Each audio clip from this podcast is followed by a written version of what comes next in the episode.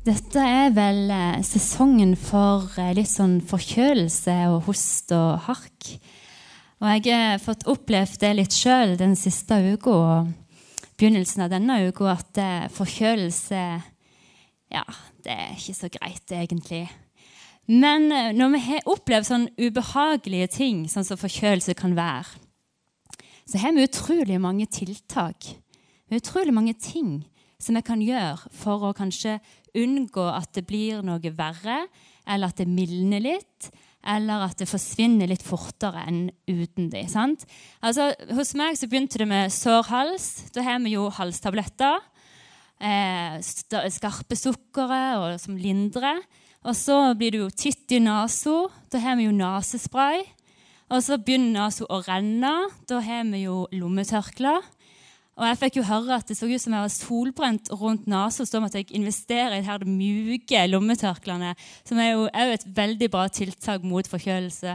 Så vi har så utrolig mange. Vi kan spise eh, C-vitaminer, vi kan drikke C-vitaminer, vi kan ta C-vitaminer på tablett. Altså Det er så mange tiltak når vi har det litt ubehagelig. Og det er jo veldig bra. Men når vi har det ubehagelig indre, i vårt indre liv, hva tiltak har vi da? Og da har vi jo òg mange tiltak som vi kan stå imot, sånn som nesespray og alle de her tiltakene. At vi kan gi et motangrep mot bakterier og virus. Så har vi noen tiltak når vi kjenner at det, her inne er det ikke helt greit. Og Jan Arve han snakket om merkelapper sist søndag. At merkelapper kan du sette på deg sjøl. 'Jeg er ikke god nok.' Eller noen andre kan ha satt det på deg, at du er ikke flink til det. Noen andre bør overta det. Altså Det kan være sånne negative ord som blir sagt til deg, løgntanker. Og hva tiltak har vi da til å stille imot, til å ta et motangrep? Og Det står i 2. Korinterbrev 4,16 at derfor mister vi ikke motet. For selv om vårt ytre menneske går til grunne, blir likevel det indre mennesket fornyet dag for dag. Vi har blikket retta mot det usynlige og har blikket retta mot Jesus, så trenger ikke vårt indre gå til grunne. Eh, men vi har en fiende som er ja, som stjeler, som ødelegger og som dreper. Som kan stjele frimodigheten, som kan ødelegge Guds, du og Guds forhold og kan drepe lysten til å lese i Bibelen, blant annet. Og han må ha noen motangrep når hans piler kommer imot oss og indre liv. Derfor heter denne talen 'Det står skrevet'. For der finner vi vårt motangrep mot løgntanker, mot løgn og det som går på kompromiss eller er motsatt av det som vi treffer på i Bibelen. Det står skrevet. Og jeg kommer til å lese ganske mye bibelvers. For siden det er i Bibelen vi finner svar, så er det jo veldig greit at vi har det før oss. Og det var så bra å høre deg, Benedikte. Du er jo bare oste av eh, av bibelvers som du delte. Og Det er så viktig at vi kjenner Guds ord og vi vet hva som står der. For Hvis, ikke, hvis du ikke vet hvor nasesprayen er, så er det litt vanskelig å bruke den. Vi må vite hva som står i Guds ord for å bruke de her tiltakene når løgntankene kommer, når djevelen kommer og pirker i deg. Du trenger ikke bli pirka, egentlig. Du må bare slå tilbake så fort som mulig, sånn som Jesus gjorde. Og Det er det vi skal lese i Matteus 4, vers 1-11 når Jesus sjøl blir frista av djevelen. Eh, så da leser vi fra vers 1.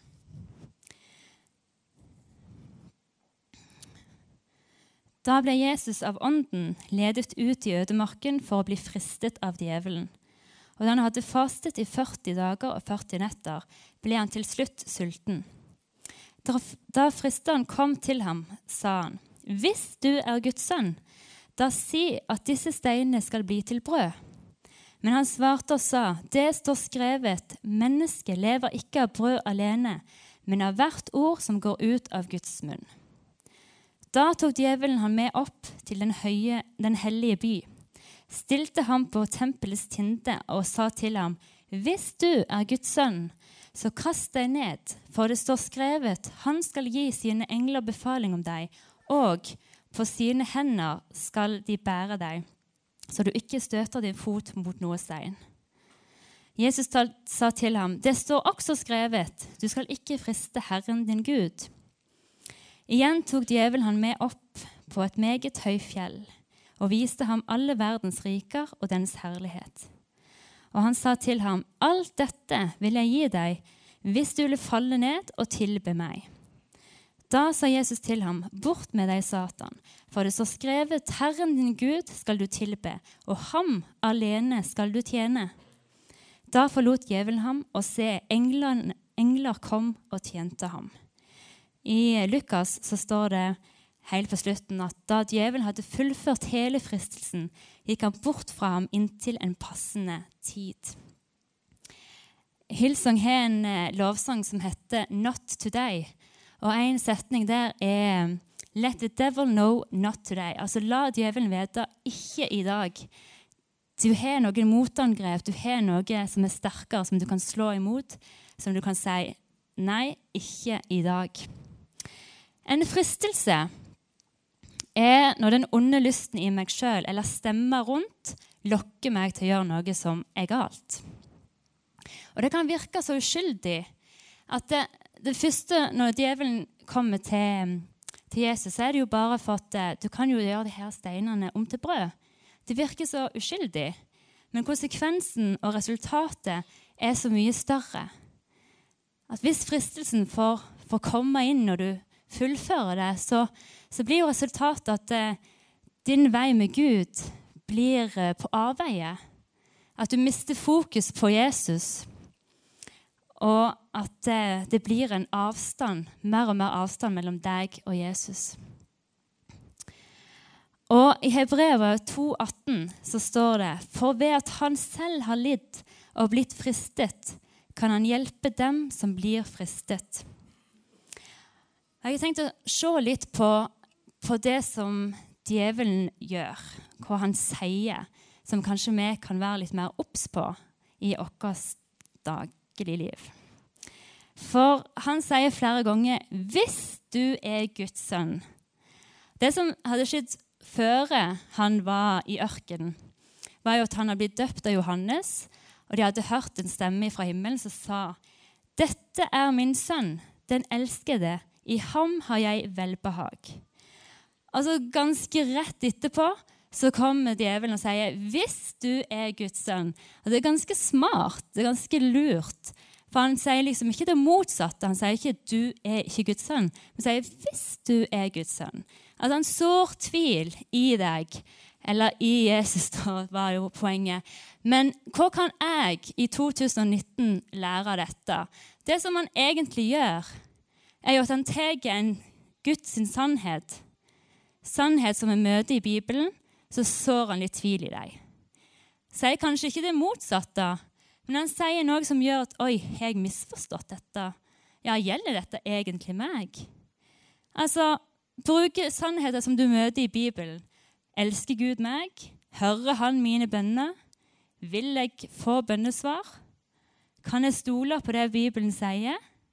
Og I første Mosebok 3, i Edens hage, så kom han jo til Eva og sa Har Gud virkelig sagt? Han bruker sannhetene. Setter de litt sånn Har du forstått det rett? Gjelder det egentlig deg? Sår tvil i det som er Guds sannheter, som vi møter i Bibelen. Videre så ser vi at det er det som han prøver å gjøre men det kan jo, altså vi kan jo eh, Det er mye vi kan ta lærdom av her. Eh, men jeg har tatt ut noen punkter. Og, og det som, som, djevelen prøver på, er å få vekk fokuset ifra, eh, fra Gud og ha Guds plan med Jesus. At han lokker med det som, som man på en måte lengter etter. Han var sulten.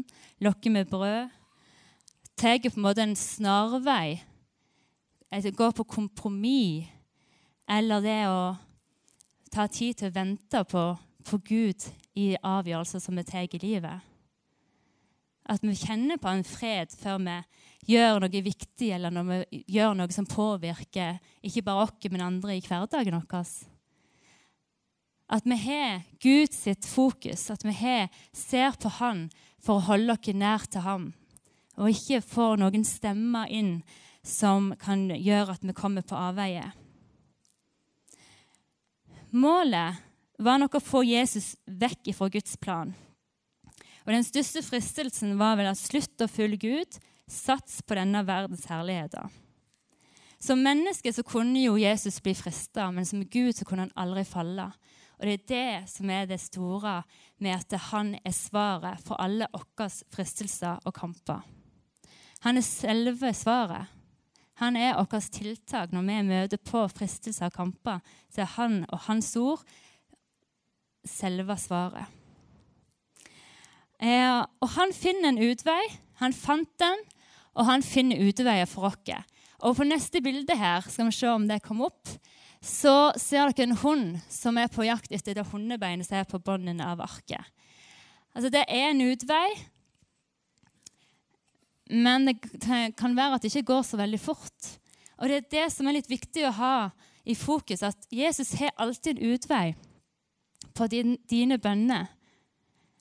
Men det er ikke sikkert du merker det dagen etterpå eller minuttet etterpå. Det kan være at det tar en stund. Det kan være at det, at det går litt på tålmodighet og bygger karakter, som gjør at det, det blir en utvei til slutt, men kanskje ikke sånn veldig kjapt. Han har en utvei.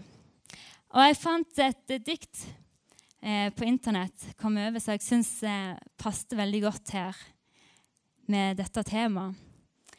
Du mener livet er en kamp. Jeg er enig, men rett som det er, er det hjemmekamp. Og vi topp, topper laget, har sola i ryggen, medvind, og alle heier på oss. Vi har den sterkeste på vårt lag.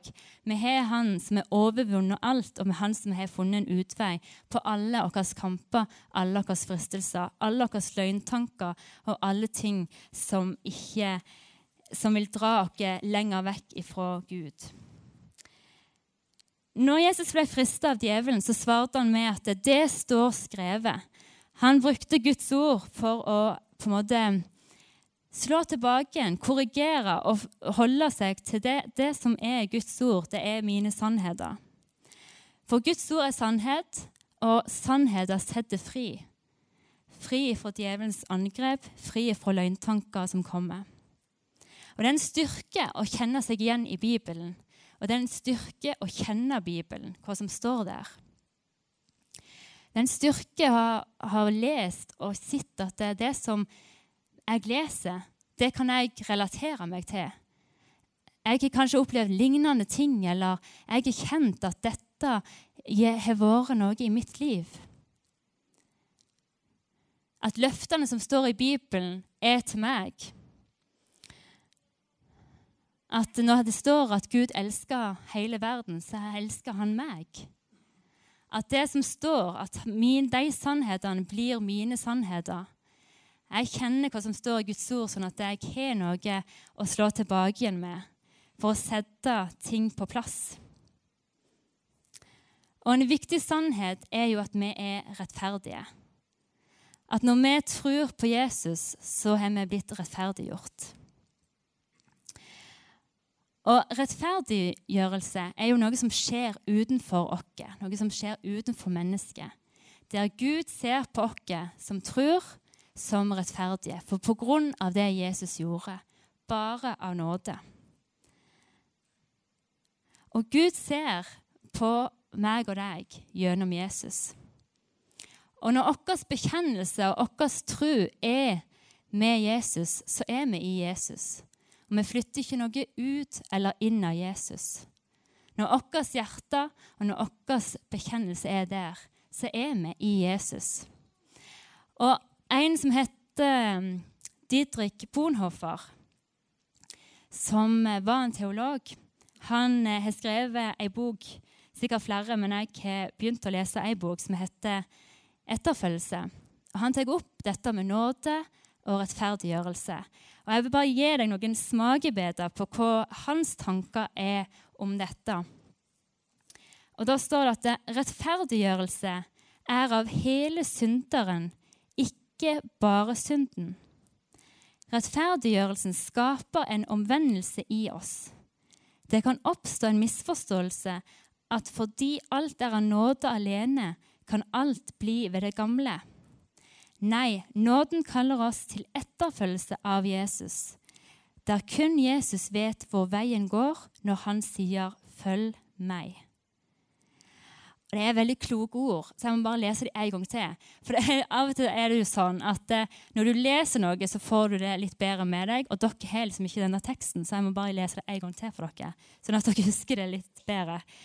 Eh, altså, rettferdiggjørelse er av hele synderen, ikke bare synden. Rettferdiggjørelse skaper en omvendelse i oss. Det kan oppstå en misforståelse at fordi alt er av nåde alene, kan alt bli ved det gamle. Nei, nåden kaller oss til etterfølgelse av Jesus, der kun Jesus vet hvor veien går når han sier 'følg meg' en omvendelse, en etterfølgelse. Følg meg. Helliggjørelse er noe som skjer i oss, som er rettferdige, som tror på Jesus. Og Det handler om det nye livet som Gud skaper, og hvordan man modnes og vokser som kristen. At man blir stadig prega av, av Jesus sitt sinnelag når, får, eh, når Den hellige ånd får mer og mer plass i livet. Og da har jeg et bilde um, av to hus. Og dette var et eksempel som en forkynner hadde. Så syns jeg det var veldig bra, så nå låner jeg det av han. Eh, men han sa at eh, helliggjørelse kan man se på, eh, på med dette, bruk av dette bildet. At du har ei tomt, og på tomta di så står det to hus. Det er et nytt hus. Og det er et gammelt hus. Og Jeg håper dere ser hvor gammelt det huset er, og hvor falleferdig det er. For det er virkelig falleferdig. Vinduene er på halv åtte. Døra er jo ikke der, egentlig. Så det er veldig falleferdig. Eh, og i eh, andre Korinterbrev 5, vers 17, så står det derfor om noen er i Kristus, er han en ny skapning. Det gamle er forbi, se alt er blitt nytt. Altså med den nye naturen, det nye huset, som vi får når vi sier ja til Jesus og lever for han. I Hebreabrevet 12, 14 står det 'jag etter fred med alle og etter helliggjørelse'. For uten helliggjørelse skal ingen se Herren. Og da må vi tilbake til det bildet, ja. For her er det jo ganske innlysende. og Hvis jeg hadde spurt eh, hvor mange vil bo i det nye huset og ikke det gamle, så vil jo alle bo i det nye huset der det er isolert, varmepumpa er på plass, titte vinduer, døra kan lukkes, og ingen vil bo i det gamle huset. Men så tydelig er det jo ikke i vårt liv. Og Det kan jo være, det er jo min bønn, og det kan være din bønn òg, at at det skal bli så tydelig som et nytt og gammelt hus når vi møter på våre fristelser, når vi møter på de her løgntankene som vil dra oss vekk fra Gud. At det skal bli så tydelig for våre øyne hva som er det nye og det gamle. Hva som er det nye huset og det gamle huset. Men Gud har altså gitt dere Se, alt er blitt nytt. Det gamle er forbi. Nytt hus. Vi kan bo i det nye huset. Men på tomta så står det altså to hus. Og man kan ikke rive det, man kan ikke ta det vekk. For den gamle naturen vår, der lystene, der skammen, der synden, eh, og der som han på en måte djevelen kan liksom pirke litt i, det har vi i okkes, på vår tomt i vårt liv. Og det blir vi ikke kvitt før vi er i himmelen. Så her er det, i denne helliggjørelsen så har vi en dragkamp mot det nye og det gamle. Men om vi sitter i det nye huset og ser bort på det gamle huset av og til, så trenger vi ikke gå bort der. Vi trenger ikke gå bort og vedlikeholde det. Fikse litt på døra, fikse litt på vinduet. Vi trenger ikke gå bort og ordne. Vi kan være i det nye huset som han har kalt dere til å være i. Og I Romerbrevet 8, 5-6 så står det de som lever etter sin syndige natur, er bare opptatt av det som hører mennesker til. Men de som lever etter Ånden, er opptatt av det som hører Ånden til. For det mennesker av natur trakter etter, fører til død, men det ånden vil, leder til liv og fred. Så denne dragkampen kan vi bevisst kjempe. Der det gamle huset, den gamle naturen, kan miste mer og mer sin kraft. Og den nye naturen, livet med Jesus, kan vokse sterkere og sterkere. Så tenker du kanskje begynte med at eh, djevelen skulle friste Jesus og ende opp i helliggjørelse. Hva er linken? Men linken er jo at i det gamle huset så kan han pirke i ting. Husker du når du gjorde det? Bruke ting som er i ditt liv, for å komme inn med løgntanker. Og det er der vi må bruke Bibelen, det er der vi må bruke Guds ord sånn at vi vet at hvorfor hus vi skal være i, hvorfor et hus vi skal vedlikeholde, hvorfor et hus vi skal bruke tid, og at det, det huset er Jesus. At vi kan være, at vi skal være kalt til å være med Han i Hans nærhet.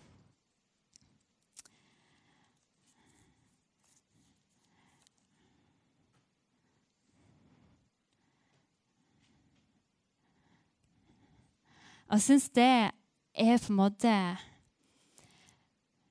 Ja, det må vi, det må vi huske på. Den helliggjørelsen som vi er kalt til å leve i, den etterfølgelsen av Jesus. Der vi velger huset vi vil være i, og be om visdom til å skilne når det kommer opp i vårt liv. Det er tre utfordringer eller tre sånne ting som jeg tenkte dere kunne tenke litt på. Eh, som jeg òg tenker masse på.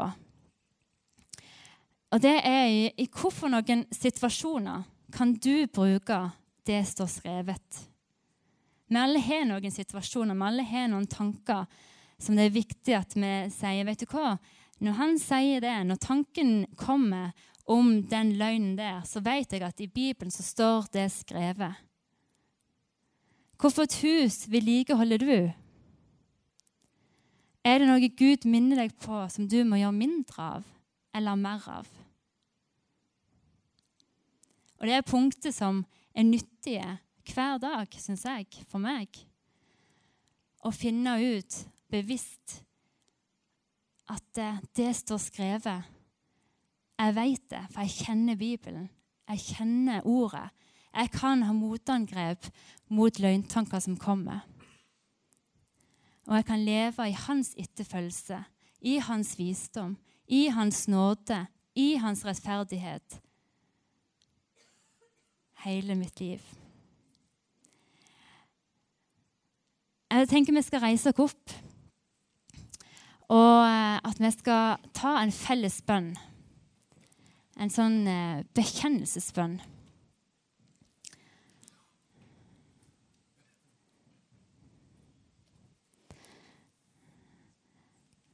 Der du kan bruke litt tid til å, å tenke hva er det Gud minner meg på? Hva er det han minner meg på som jeg har hørt ifra hans ord? Versene som er blitt lest. Og Så tar jeg bare en, bønn der, der, du kan gjenta etter meg. En sånn, bare en sånn bekjennelsesbønn. Der vi sier 'Jesus, jeg tror på deg'. Ok, Så du bare gjentar etter meg, da. Jesus, jeg tror på deg. Jeg vil være din etterfølger. Jeg vil leve nærmere deg. La din vilje skje i mitt liv. Takk for at ditt ord er sannhet i mitt liv. Amen. Jesus, takk for at uh, du er her. Takk for at det er ditt ord som gir visdom. Takk for Den hellige ånd som minner oss på ting, som styrker oss, som oppmuntrer oss. Takk for at vi kan leve sammen med deg. Takk at du vil gi visdom til de situasjonene der vi kan si det står skrevet. Takk for at ditt ord er fulle av sannheter, er fulle av tiltak som vi kan stå styrka og stå sterkere med sammen med deg. Takk for at du har kalt dere til en etterfølgelse av ditt ord, av den du er. Om vi lever med deg, så kan vi vokse nymme deg, se mer av deg. Takk for det, Jesus. Amen.